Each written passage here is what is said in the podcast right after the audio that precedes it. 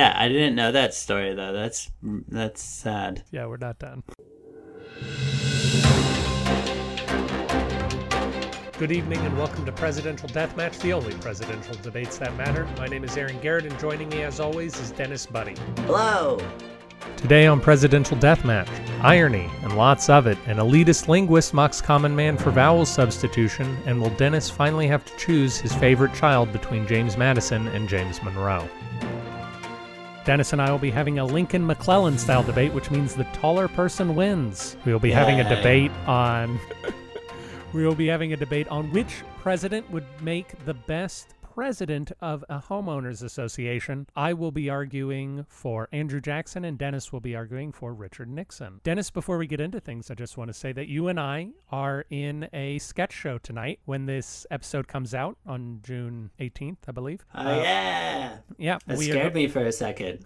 yeah, not not as we're recording, but as it releases. if you're listening to this on the day it releases, you can see Dennis and I ply some presidential humor in God Kings episode one, Dillweeds in the Era of Good Feelings, where I will be playing William Henry Harrison among others, and Dennis will be playing James Madison among others. Yes, I've de- I've decided I don't think I should do my Madison character that I like to do on this podcast oh! because, yeah. Oh no, Dolly, we've got to go. The the city's burning. Because really, like Madison's the uh, he's kind he's the really the kind of grounding force in the in the sketch. Dennis, we have a few retractions from last week. Uh, if you remember, we talked about cardio ball, which president would make the best captain of a cardio ball team. I argued for Abraham Lincoln. You argued for George Washington. Incidentally, George Washington is currently in the lead. He's winning by one vote. Ah. So you still have a week to vote. If you think Abraham Lincoln, the uniter of our country, deserves to be memorialized uh, by being captain of a cardio ball team, please vote now. But we have a few retractions.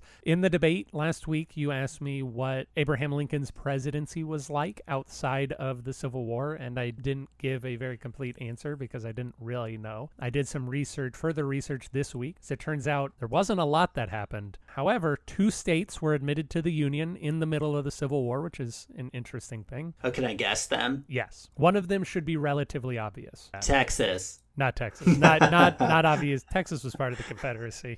It's Yeah, a thing we struggle that- through every It. We think Yeah, about yeah. it too much. so we can pretend. So there's Uh, one state east of the Mississippi, one state west of the Mississippi. And you know, I do want to say I wouldn't have guessed Texas if you hadn't said one of them should be fairly. Because I was like, oh, he must mean because we're both in Texas right now. No. so I said that. Uh, what I mean is that there was a state that became part of the Confederacy, and there was a portion of that state that didn't want to be part of the Confederacy, so it broke off. So it was Okay. a direct response to the Civil War, sort of. They they also had their own reasons for wanting to break off from this state, but it was large, uh, at least in part, because of the Civil War that this state broke off and became its own state. and so I, because now I just have the Kansas Nebraska Act in my head, but that was a separate. Yeah, Because that that was, was separate. before the Civil War. That was Pierce, right? Yes. That was why he part of the reason he's so unpopular. So then it must be like, is it Kentucky? It is not Kentucky. Is it so? But they're on the Mississippi. No, they're east of the Miss. I was just giving telling you one is in eastern U.S., one is in western U.S. Looking, Oh. uh, looking at your map, your scratch off map behind you, neither of them Aha. are scratched off. So I'm guessing it's not a state you've been to. And if you don't guess in the next ten seconds, I think we should move on because we are 15 minutes into recording and only on our first point. Wait, well, the red ones are scratched off. That is correct. Just want to make sure that. Yeah. they- So two of uh, the two states, I can see where they would be. They are not scratched off. Well, so then Iowa. No, not Iowa. Let's move on, Dennis. Wait, so what are they? Just tell me. West Virginia and Nevada. West Virginia. Yeah. And Nevada. Yeah, West Virginia and Nevada. They the United States established territorial governments for Colorado, Nebraska, and West uh, and um, Nevada, uh, but Nevada is the only one that became a state during Abraham Lincoln's term. The other thing that happened was an Indian uprising, which Abraham Lincoln sent the army to quash, and I think we should move on.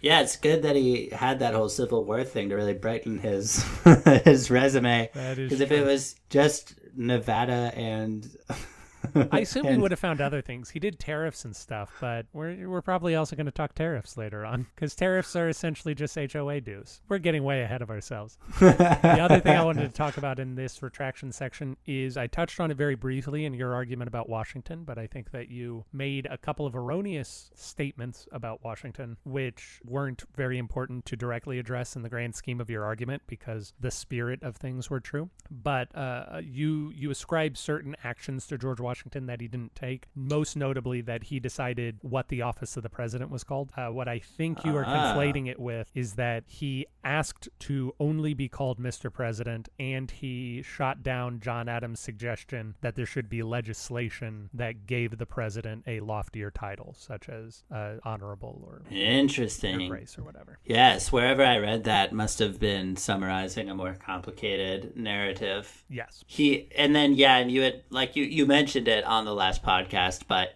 I I I I didn't I didn't intend to suggest that he because I know he wasn't even really all that involved in writing the Constitution stuff because that was such a like uh Madison thing and Jefferson and all that. So he was the president of the convention, which means that he didn't necess- he wasn't proposing items or anything, but he was in charge of uh, the rules of order, making Yeah. making sure the convention was happening is what he was doing. So he was doing a very good job, uh, or a very big job, even if he wasn't. Sure. Yeah. And it's similar to just also with like being the first person to be leading within the rules that were created in, in the Constitution and the Bill of Rights and everything. It's like it's the doing piece of it, it's the executive piece of it, but it's certainly still uh, significant. Yeah. Uh, my retraction was uh, is might be an unretraction, but that we I had mentioned we had talked in the beginning of the last podcast about how generally the quote unquote national media co- covering Texas often doesn't shine a very uh, rosy light on on our state. That is true. Uh, and in the last week, a couple articles from have come out about Texas that, and I think that happens probably all the time, but I noticed them more this week. So one was uh, UT was in the New York Times. Carolyn and I were debating whether it's because it's a positive thing because it's about the UT football team is like refusing to play because they have related to the Black Lives Matter stuff. They have some things that they want to talk about um, and have change and everything. So they're refusing to play. So the article certainly was taking like a positive point of view on all of that from the New York Times. But Carolyn's observation was that did they pick UT out of this whole thing because they think it makes a more interesting story to choose this school that they think their readers are going to be like, oh wow, even like in Texas, this is happy, you know. So, which I thought was an interesting point. That is an interesting point. I do think at a certain point uh, we begin to look for conspiracies that, that aren't there, and it's probably just because UT is a Big Ten school, and if Alabama hasn't come out with a similar list of Yeah. refusing to play, that seeing Black Lives Matter points and agenda items coming from as non-secular, non-political, uh, even super conservative aspect as college football is in fact a big deal. Yes, that was kind of what I said too. A big, a big Big Ten school, or a Big Ten school, as Aaron says, because he's very Texan. Um, Yeah, if I'm not thinking about it. yes. Well, Dennis, we had a debate last week. We already talked about cardio ball. We know that George Washington is ahead by one vote. We had a debate two weeks ago on which president would make the best contemporary artist, Franklin Pierce or Ulysses S. Grant. That ended in a tie for the second time. What? Yeah. So we share victory. Ulysses S. Grant was actually a painter. I'm standing by my choice. He wasn't Who was yours? Franklin Pierce, Ah, who was actually an artist of the mind, Ah, yes, of course. soul. Very a, tor- a tortured soul. That actually brings br- brings me to something that I had wanted to mention, just because I thought it was interesting. So we've this is our twelfth episode, That's true. which means that last one was our 11th episode. And That's since we works. each do a president and we've kind of been focusing on trying to get through all the presidents so we don't we don't repeat unless we feel very strongly. So we haven't repeated yet. Mm-hmm. So we've we're halfway through because Gro- Grover Cleveland was twice, so there's actually been 44 people who've been president, I believe. That is correct. So, haha. So, so I basically like I, it's got it's harder now because there's a fifty percent chance we've already done the person to just think through who's left. It was actually really interesting to see because basically like there's the founding fathers who we've dabbled in a good amount but like actually haven't covered as thoroughly as i thought we had because i think i've just learned a lot about them but i haven't actually chosen Yeah, you feel very uncomfortable about choosing either James Madison or James Monroe over the other one. So I, yeah, i'm yeah. gonna have to end up being the person to choose one of them, and then Yeah, the next week you'll do the other.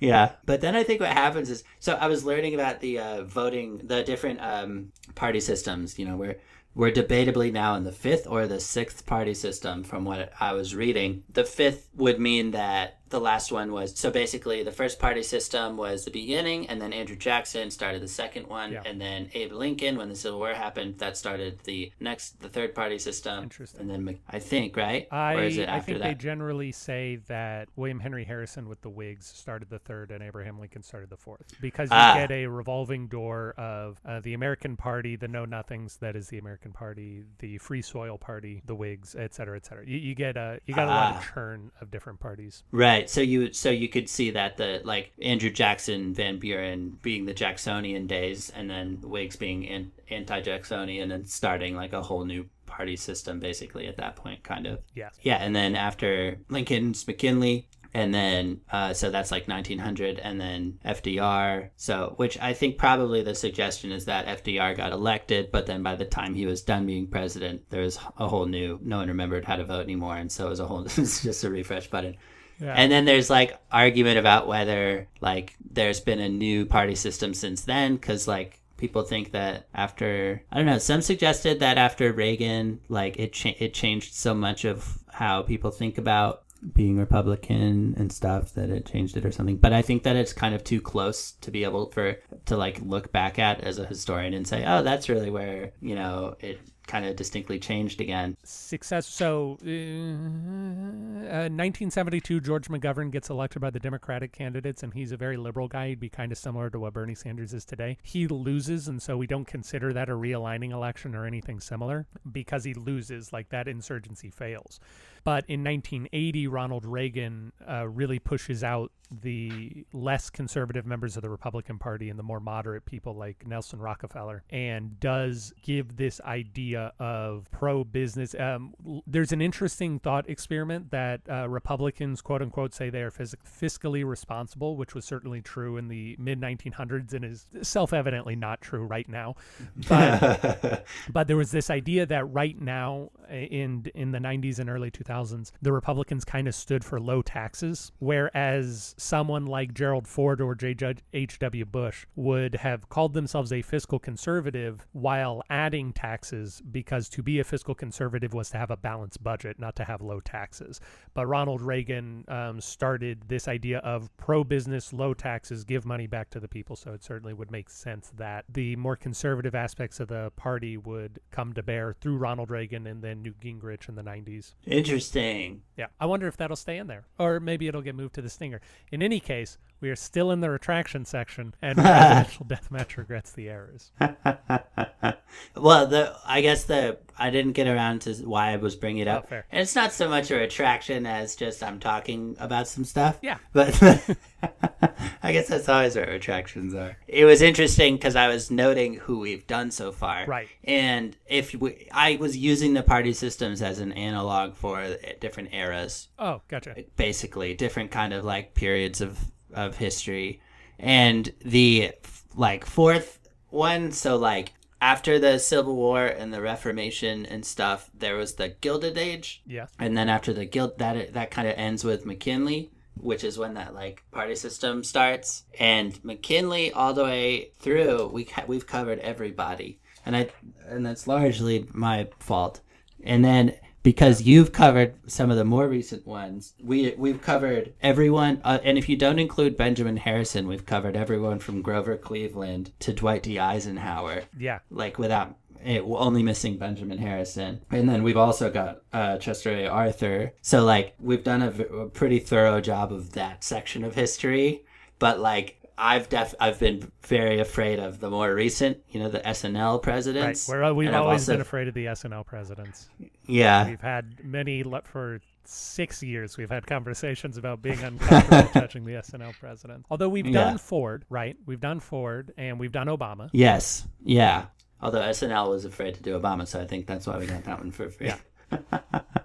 yeah, but that's that's it so far. It brings us to this week's topic. Dennis, we are talking about who would be the best HOA president. Now, when I HOAs mean something very specific to me. I don't know about your upbringing, but I grew up in the middle of a forest uh, that was a mile down a dirt road, off of a mile down of a dirt road, down like 20 minutes from the nearest grocery store. Uh, like I, I grew up very much law enforcement wouldn't come out there. the only municipal service that came out was garbage collection. And that's because we paid them directly. Like I, I come from like my childhood was very much uh, around the idea of we don't want anyone coming in to tell us what to do. You and I have both lived in apartments since we've been adults, I believe. Yeah. But what about growing up? When you grew, when you were growing up, was there a homeowners association? No, no. So it's not unlike what you just described. Uh, there was only the one mile of dirt road for me. And that was when I was like in junior high ish. When I was growing up, it was a farmhouse that like my mom had also grown up at and it was pretty far out in a yeah on the outskirts of a town that is that feels like an outskirt. So, yeah. which doesn't. Okay. So what what are your immediate feelings about HOA before you began any research this week? Before anything, if we if we were just said positive or negative on HOA, what are HOAs for? Why do you why do we have? Yeah, them? yeah. I so I yeah, so I didn't. I really didn't have much. I think that you you brought them up in conversation a couple times, as, and then it came up at an imp, improv show, like I mentioned. Right. Uh, and then I and I actually did the show about how I wasn't really familiar with the whole concept.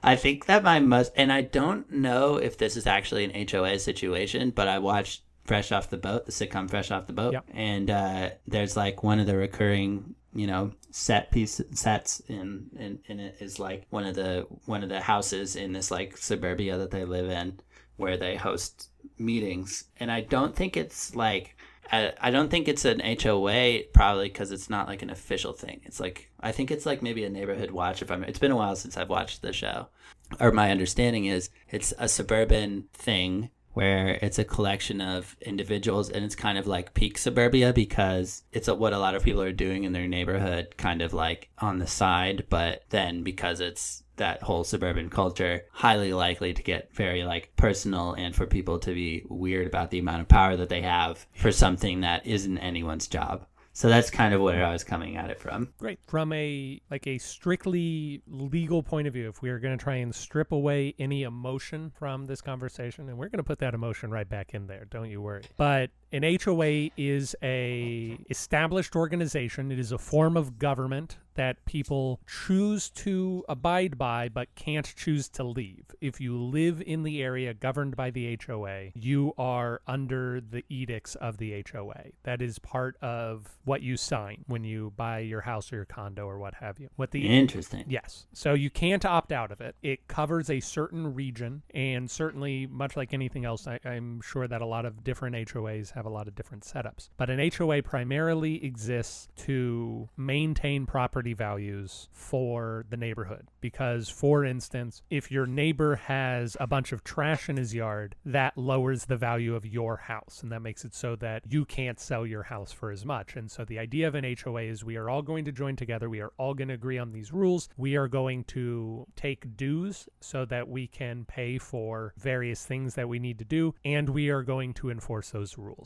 Theoretically, they're there for the good of everybody. As you said, we can imagine this attracts a certain kind of person, right? It's a person who likes power in a certain area. It's a person who doesn't mind being disliked, because I think that's an important part of the job if you're dealing with people. And I think that is an aspect of the presidency that we haven't really talked about, and especially the the era we're living in right now with COVID and such, and all of our leaders, our national leaders, our state leaders, our county leaders, and our city leaders are all having to make difficult decisions about who can open, what can be open, when are we reopening, what are the metrics, et cetera, et cetera. We're having to make a lot of tough choices, and these choices, because they are difficult choices, aren't going to please everybody. And I think that yeah. we don't talk about the aspect of the president where the president has to make difficult choices. Yeah, like, and I think of that really with anyone who has like a like a like a status of uh, being a public figure in today's landscape like because most people i think inherently just want people to like them you know especially if they're in entertainment or something like that.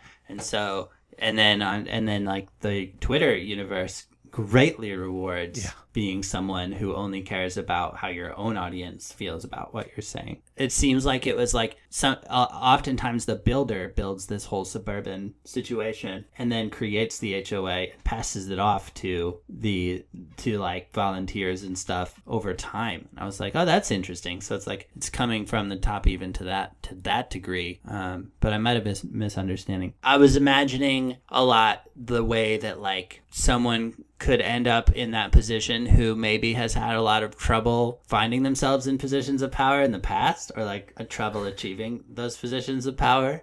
Uh, and so they're very excited to and are jumping at the opportunity for one, even when it might be dismal work, you know, because it's an opportunity for them to take advantage of being in that position and use it for their own gain. So I, I really the the relationship with the actual concept of power was a big thing that I was like focusing on. Yeah. Um. Yeah. And I looked at a bunch of presidents. Yeah. We. I looked at uh. I looked at Clinton a good amount because he wanted to be president from so young. And like uh I remember a story about him meeting a president when he I'm not sure who it would have been. Maybe it was Nixon actually. Um and like shook his hand and was like I'm going to be president. Like knew it then you know? Uh and was just like just fought his way to the top through like through all that time until he got there uh, and so it's there you can just see that like hunger for power all the way through until he ends up getting the presidency. And then it's hard to imagine that when that's been so much your single vision from the beginning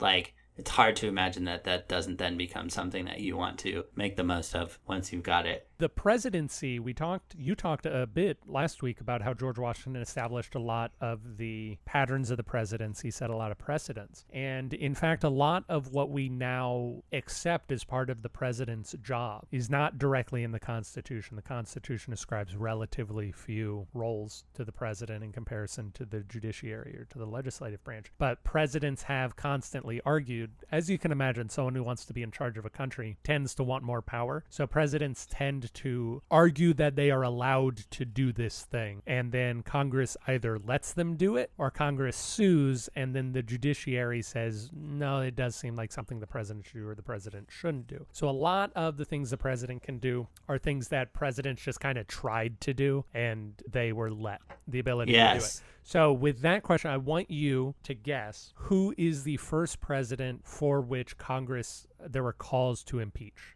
him. calls to Yeah. impeach So members of Congress said we need to impeach this president. He is going against the Constitution. He is exercising a dangerous amount of power. So not impeach. They did not draft articles of impeachment against this person. but they chatted about They it They chatted a lot about it. Who's the first person? john adams Nope. am i too early too late You're too late. is george, George washington, Washington. U.S. Congress says that George Washington was exercising a dangerous amount of power for the president and deserved to be impeached over his refusal to turn over private letters between him and John Jay, who was the ambassador to Great Britain. George, George Washington was Ah. executive, uh, executing what we would now call executive privilege to say that the job of the president needs to be done in a certain amount of secrecy. So I am not. I do not have to turn over papers to you. In fact, interesting as I was looking through, I'm not sure that there were any presidents outside of William Henry Harrison that Congress didn't want to impeach at some point. and with William Henry Harrison, they were like, the, He was on the There was, There were, Yeah. there were murmurs. There were murmurs in that first one. yeah, like Henry Clay. Someone was like putting the letter in the mail, and then like, Yeah. He like, opened the mailbox. and He's like, "Oh, I have a letter," and then he's like, "Oh no, Guys, he's dead. we did it.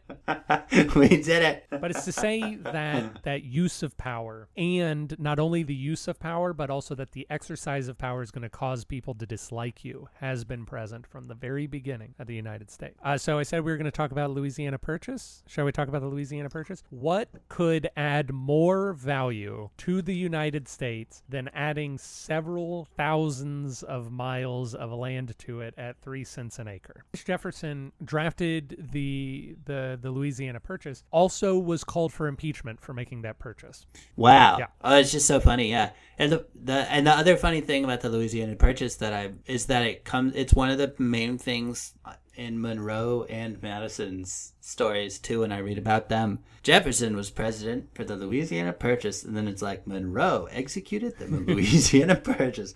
I I was going to say that Thomas Jefferson was. They said that this was too much power for a president to say uh, to get because he was doing things that basically he was spending money, and Congress should be the person. Congress is the power of the purse. Congress should be the one expending money. But Thomas Jefferson said, "No, this is a treaty. I'm allowed to make treaties. I made this treaty. This treaty involved money. It involved a lot of money, about a billion dollars, and also this is something that Thomas Jefferson basically argued against before he was president." When John Adams tried to do something similar, Thomas Jefferson said the president should not be allowed to do that. He should put it into Congress. And then as soon as Thomas Jefferson became president, he said, No, of course the president should do it. I'm the president. I have Yeah, the yeah. power now, so why wouldn't I do it?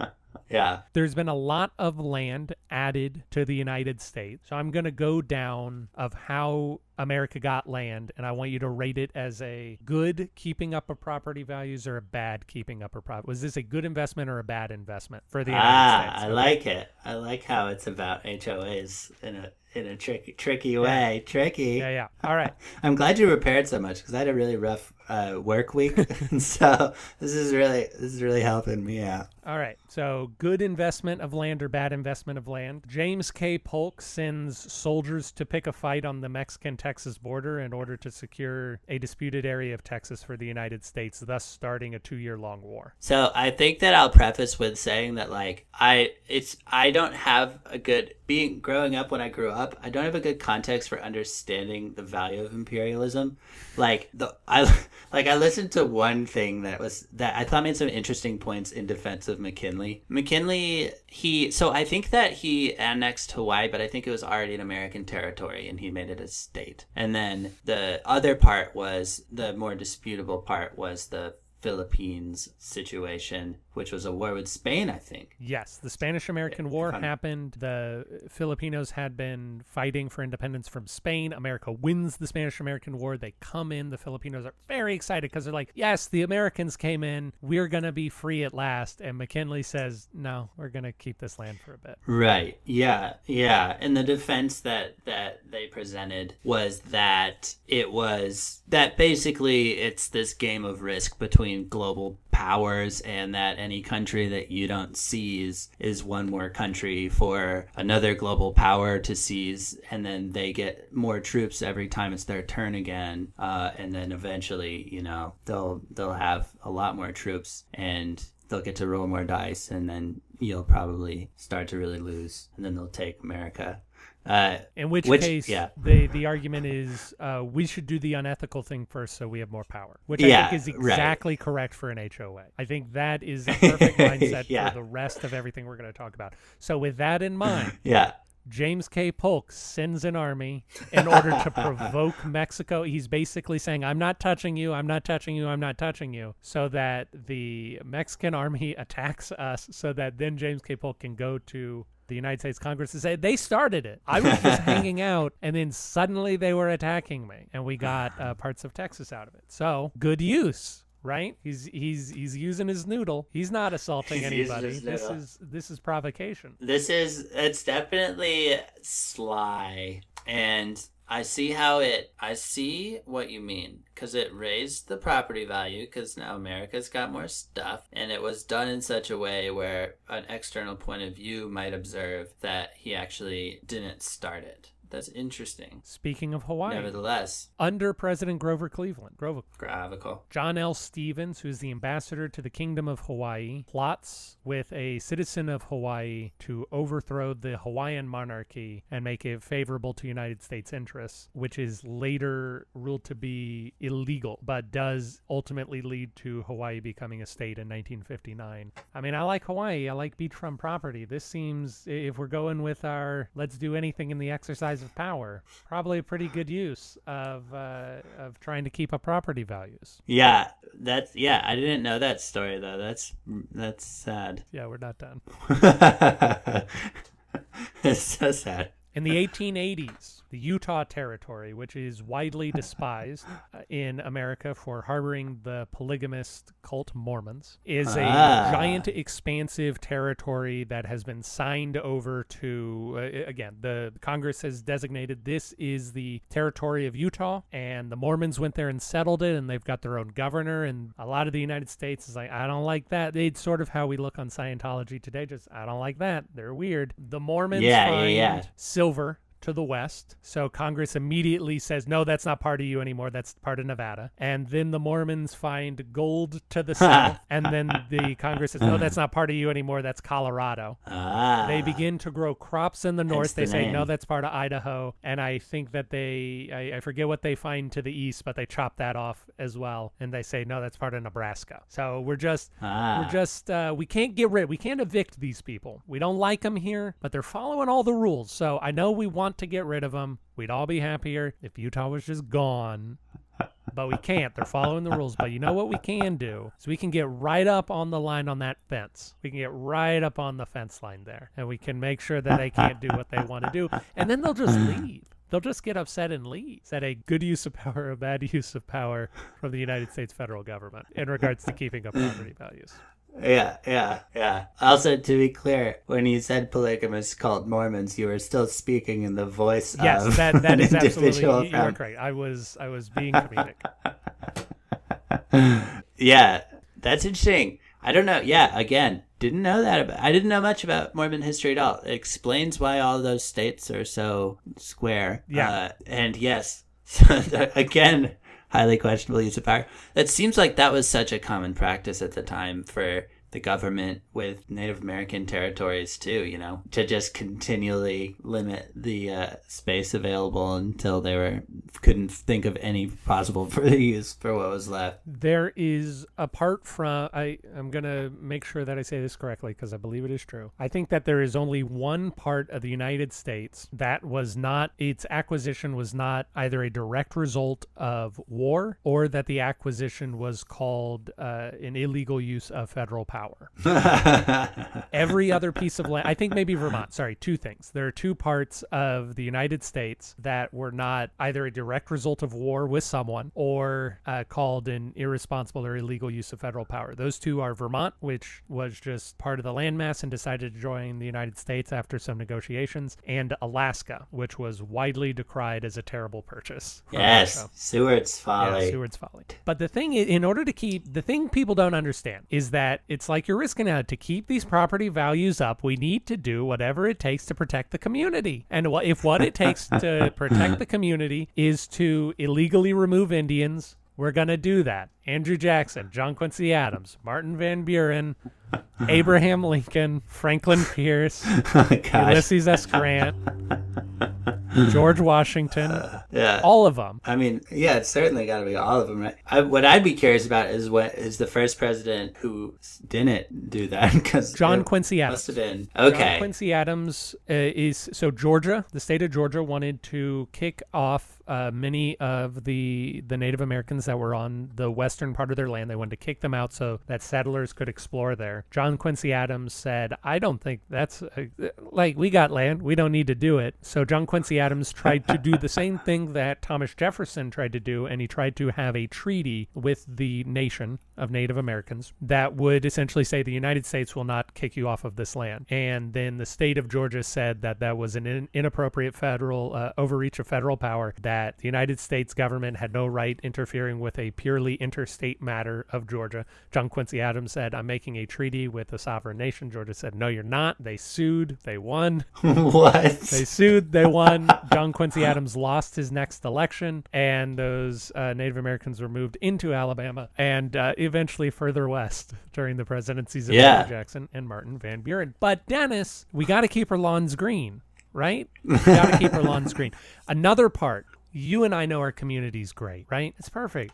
Kids are playing, the sun's bright in our neighborhood. Thank God we have the HOA to protect us. But some Yahoo is writing up just some scurrilous, scandalous trash in the newspaper or on Twitter or something. He's just bad mouthing our neighborhood. What does our HOA president need to do about that? Sure. Yeah. I think two things, as always. One, put some work into improving the public image of the neighborhood uh, in its externally facing uh, manner. Uh-huh. And two, try to reduce the public image of all surrounding neighborhoods so as to even the playing field. I like where your head's at, but here's the problem, Dennis. No one's got time to learn the truth, right? No one's got time to like go through a whole lot of tables and comps and say this school district's good or our sewage treatment's really nice. No, no, no. Like we need to stop these things at the source. So we need to just start jailing journalists that say bad things about us.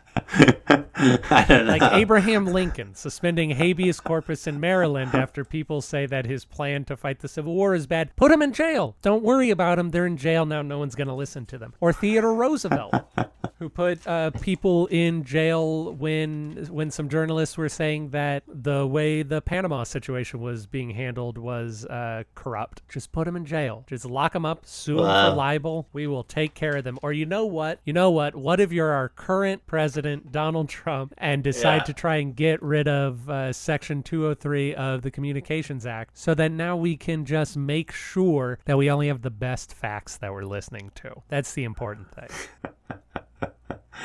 So Teddy Roosevelt had people locked up, but for Uh, so specifically, I- he, he uh, sued people for libel. yeah, because I get suing someone for libel, but I don't get having people arrested and put in jail for libel quite as much. Is it? Is it a? I guess is it a jailable crime? It is a jailable crime. So you know how there is a national emergency at the border that, uh, and the only it's a natural emergency. It's a national emergency. Trump needs to invoke those national emergency powers to build that fence, that wall, to keep people out. You know how that's a perfectly just and reasonable use of the Emergency Powers Act, right? We all agree in much the same way, what those journalists are doing is they're upsetting the public peace, Dennis. They are inciting people to Ah. riot, and we don't let we don't want an incitement to riot going on, right? So that that's why we got to jail them. Like eventually we'll work through the courts and we'll figure out whether it's libel or not. But they're making a problem right now, and people could get upset. So we got to put them away for a bit. Put them on ice. I just love the idea. It's like it's like, hey, you, the things you're writing are causing a lot of trouble. We're gonna put you in jail and give you nothing except the clothes on your body and a pen and paper to keep you busy. what, a, what a useless. It doesn't fit the crime at all. And this carrier pigeon, because you said you loved it. We're creating a utopia, right? And the only thing standing between us and barbarism is this homeowners association. And thank God we have an ironclad dictator of a president to make sure that we don't go off the deep end. But here's the problem you and me are good citizens, obviously. We don't need to badmouth our HOA president. But but there's some people down the street who want to uh, they, they're complaining about oh i don't know uh, their mail not getting delivered on time or, or being treated unfairly or the road not getting paid just need They don't get it. Or safety hmm? They don't. yeah get they don't it. get it they, just don't, get, it. and They the don't thing get the is they want to have a protest they want to walk off their jobs creating a whole big kerfluffle in our neighborhood quite frankly when we can't get our amazon packages delivered on time because they're making a whole big ruckus about child safety laws or whatever so what's the important thing that our hoa president should do in order to keep these malcontents under control Same thing did to the Mormons. cut cut off their land. I like it, but I don't think it's big enough. We tried to do we tried to uh, convince the Mormons to leave. They wouldn't uh, self evict. So what we got to do, we got to send in the army to break up these riots and these protests. riots quelled like when Grover Cleveland, Grovicle, he's doing a great job. He overthrew Hawaii and then he sent in the army to end the Pullman car strike, which disrupted uh, train traffic. They had arguments about their their safety on the job. Trains used to be very unsafe. Uh, also, we have Herbert Hoover, who, when people were complaining that veterans weren't getting the proper pensions from World War One, and set up a kind of Occupy Wall Street esque camp in Washington D.C., sent the current army in to squash the veterans. we have What? Harry Truman, who, when the steel workers of America didn't want to abide by his wartime rationing for the Korean War just said, well, the government owns all the steel mills now.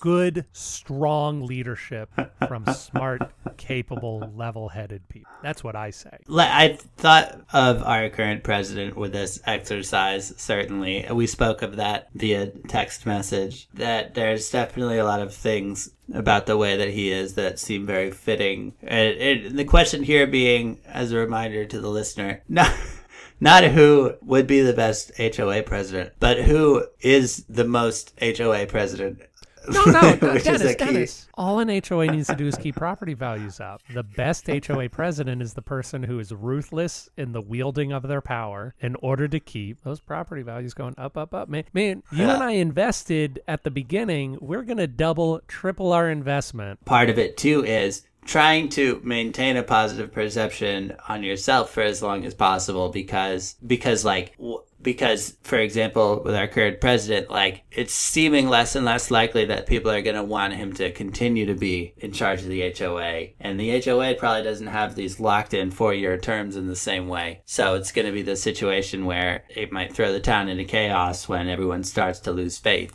because that's because really that's the complicated thing here is you have you you should be lying to everyone and you should be terrible to like a huge percentage of the neighborhood, but also you want the the majority to still think, oh yeah, no, he's doing this for it. It's a very culty kind of chunk in this that that I think becomes uh, helpful. You got to know how to play the game. Know that there's that second secret set of rules. That's true. Dennis, do you do you want to talk about anything else before we go into the debate? Just that this is all in jest. That's all I wanted to say. when we come back, Dennis and I will debate who would make the best brutal, ruthless, eye on the prize HOA president, Andrew Jackson or Richard Nixon. Please join us then. Yeah.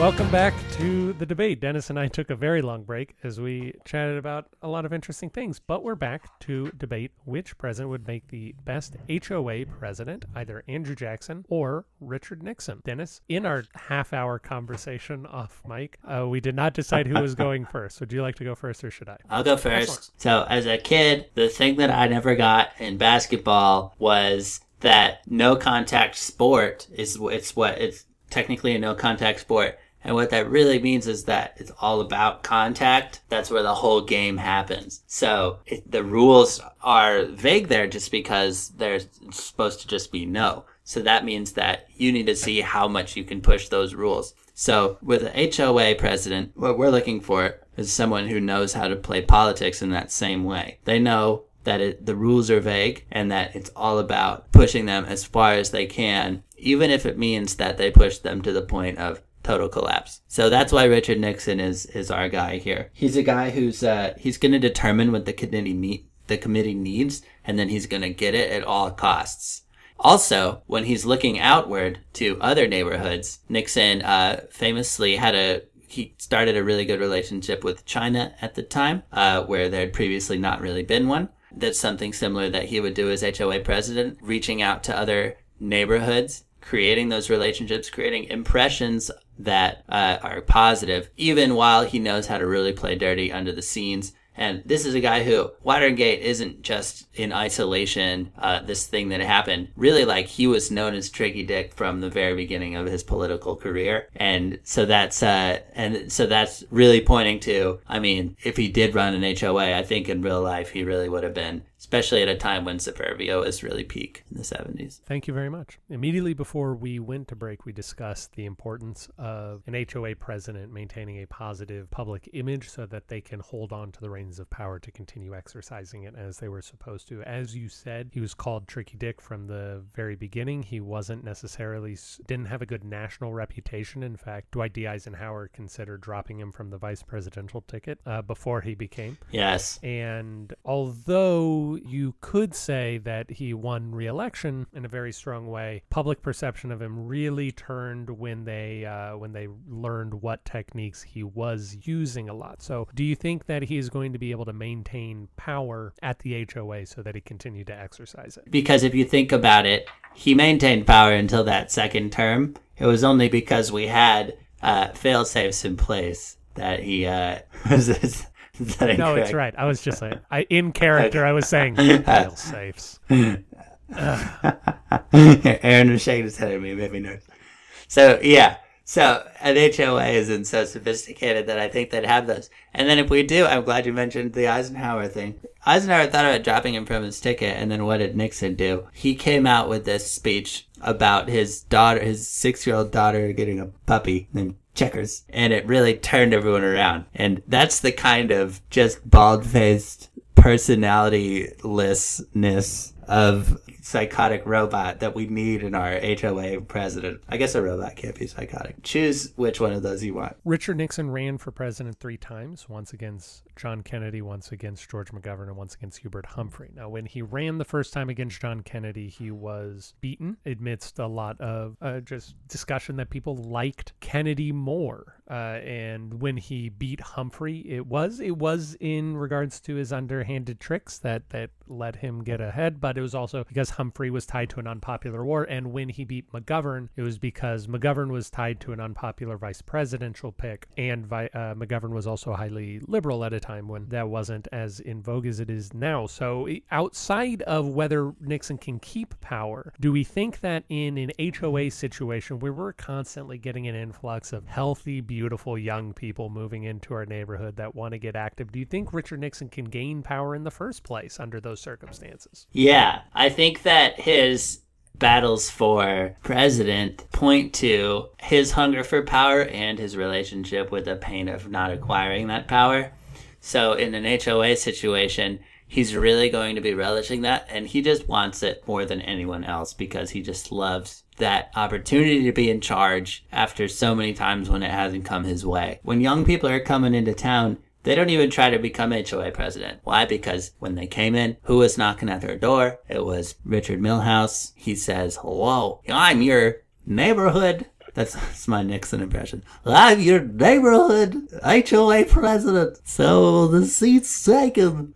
Ah. Finally, what ultimately brought Richard Nixon down was not so much that the fact that he did tricks was discovered. We, as you say, the nickname followed him around. What what caught him in the end was that he was so paranoid and so distrustful of everything that was going around that he did a thing that he didn't have to do. He tried to get information illegally, yes, but he tried to get information on a campaign for an election that he ultimately won by the largest margin in American history. Do we think that Richard Nixon won't repeat history and isn't his own worst enemy and eventually he will drive everyone away? I think that there's another way to look at the Watergate scandal. I think that the other way to look at it is that things like that were secondhand nature to him and that he didn't really blink an eye because he knew how to be working this whole thing all the time and that's really what got his blood flowing in the first place. And with that considered, I think we're looking at an HOA president who like how it started, he he's in it for breaking those rules quietly in that politicking way. And that's the thing that's going to elevate the HOA. That's going to keep the conflicts uh, from from escalating because they'll quietly get solved in weird ways. And also, it's the thing that's going to elevate us above the other neighborhoods because they don't have that kind of I- insane uh, weirdness going on that's feigning a democratic process. Um, so I think that, yeah, I think that it's a good sign. I think that maybe it speaks to him going out with a bang at the end of his HOA presidency, but I don't think that anyone else is going to be as effective while they're in the seat. Thank you very much. Before we move on, I want to mention a Nixon adjacent anecdote I read today, which I think fits very well. Dennis, you and I have a mutual friend whose grandfather worked in the Nixon administration. Yes. Really? And I was reading an article today about apparently people who worked in the Nixon administration have a reunion every year in D.C. And they were talking about the reunion this year, and they said, you know, the way Trump handled the wa- uh, his impeachment, like he he really pushed hard and fought back against it. We kind of wish Nixon had done the same. Then maybe he would have stayed president. wow.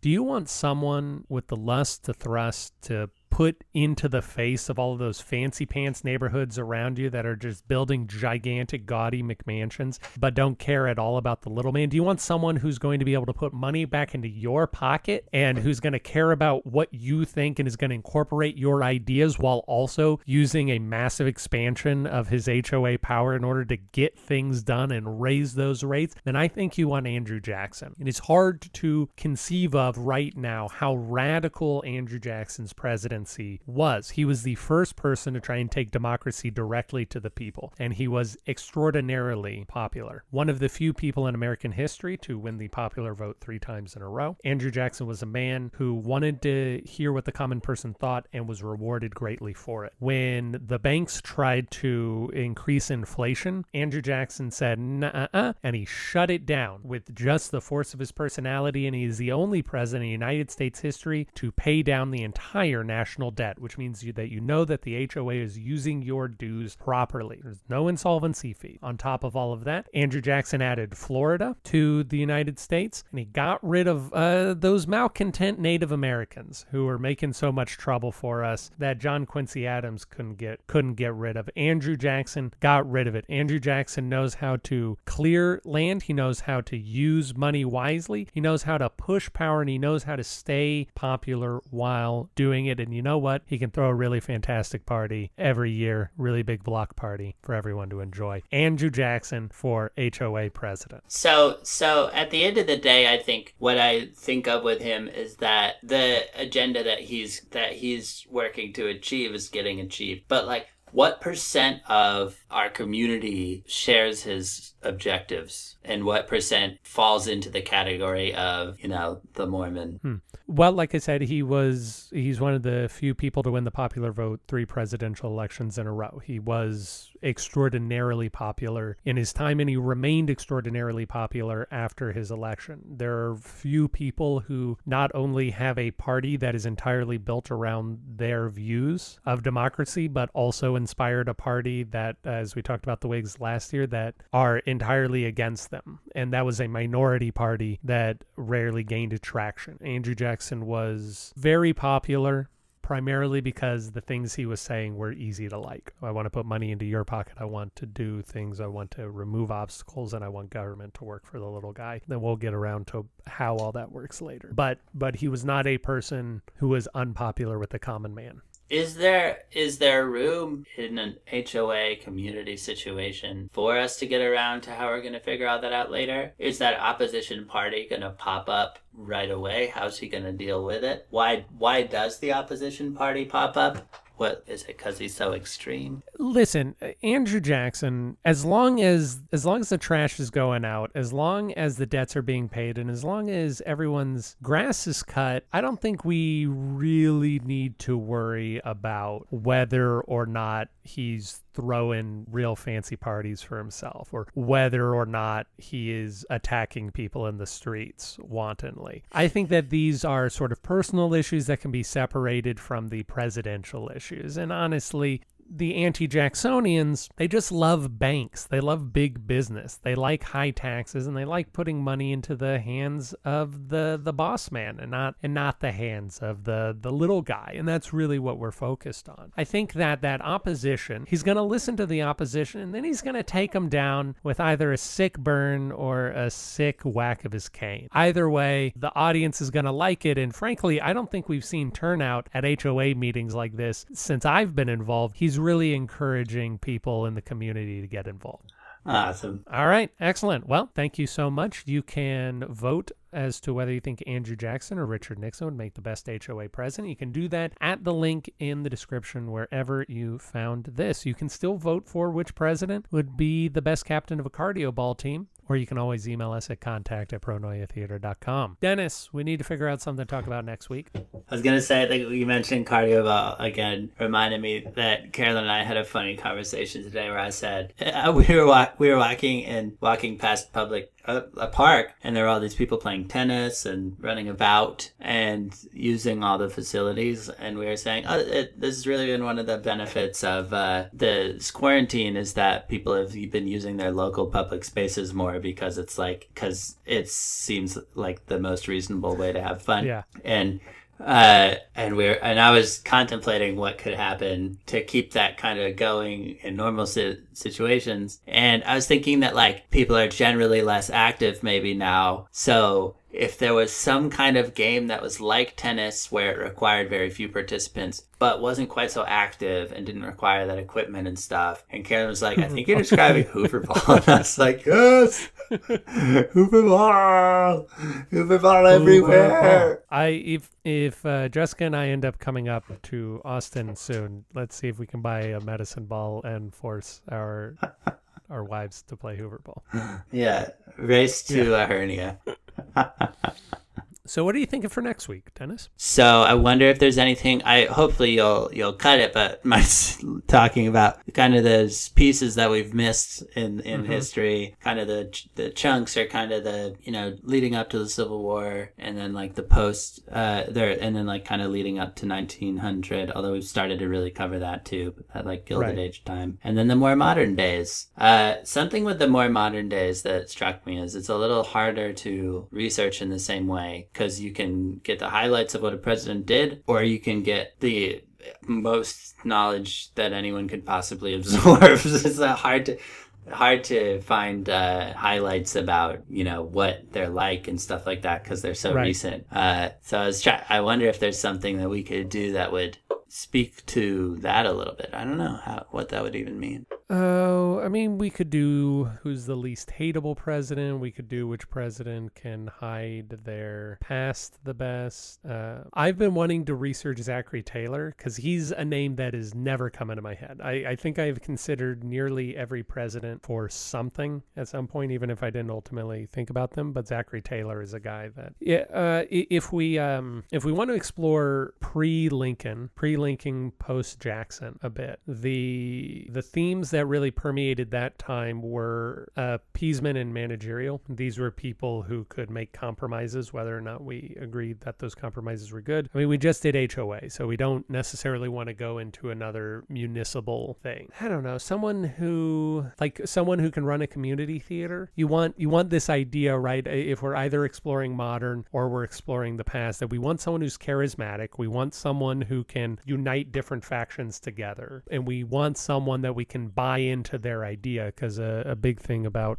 community theater is that usually they're setting the tone, and you're just doing something. So so there might be something there. Community Uh, theater. there's an idea. Uh, so, so you, you're saying that you want 1800s or modern day, right? So, like 1800s or Yeah. post Reagan. Reagan. on. We've already kind of talked about what you can get away with. That was kind of this episode. yeah. And Well, we could go. We could we could uh, come at it from the other direction and just and then and just try to and come up with something really out of left field and then see see, if see we, what we get. yeah, we yeah, it. we can do that. Is there is there something going on in your life right now that you might want to see if presidents experience anything similar? Mm, man, been busy times uh, and everything. A lot of uh, Well, I tell you, uh, we we talked a week or two ago about startup. Who would be the best CEO of a startup? That seems to unite ideas of can he be scrappy? Can he be this? Can he be that? Can you keep a positive minute? Because you got to sell, right? You got to convince venture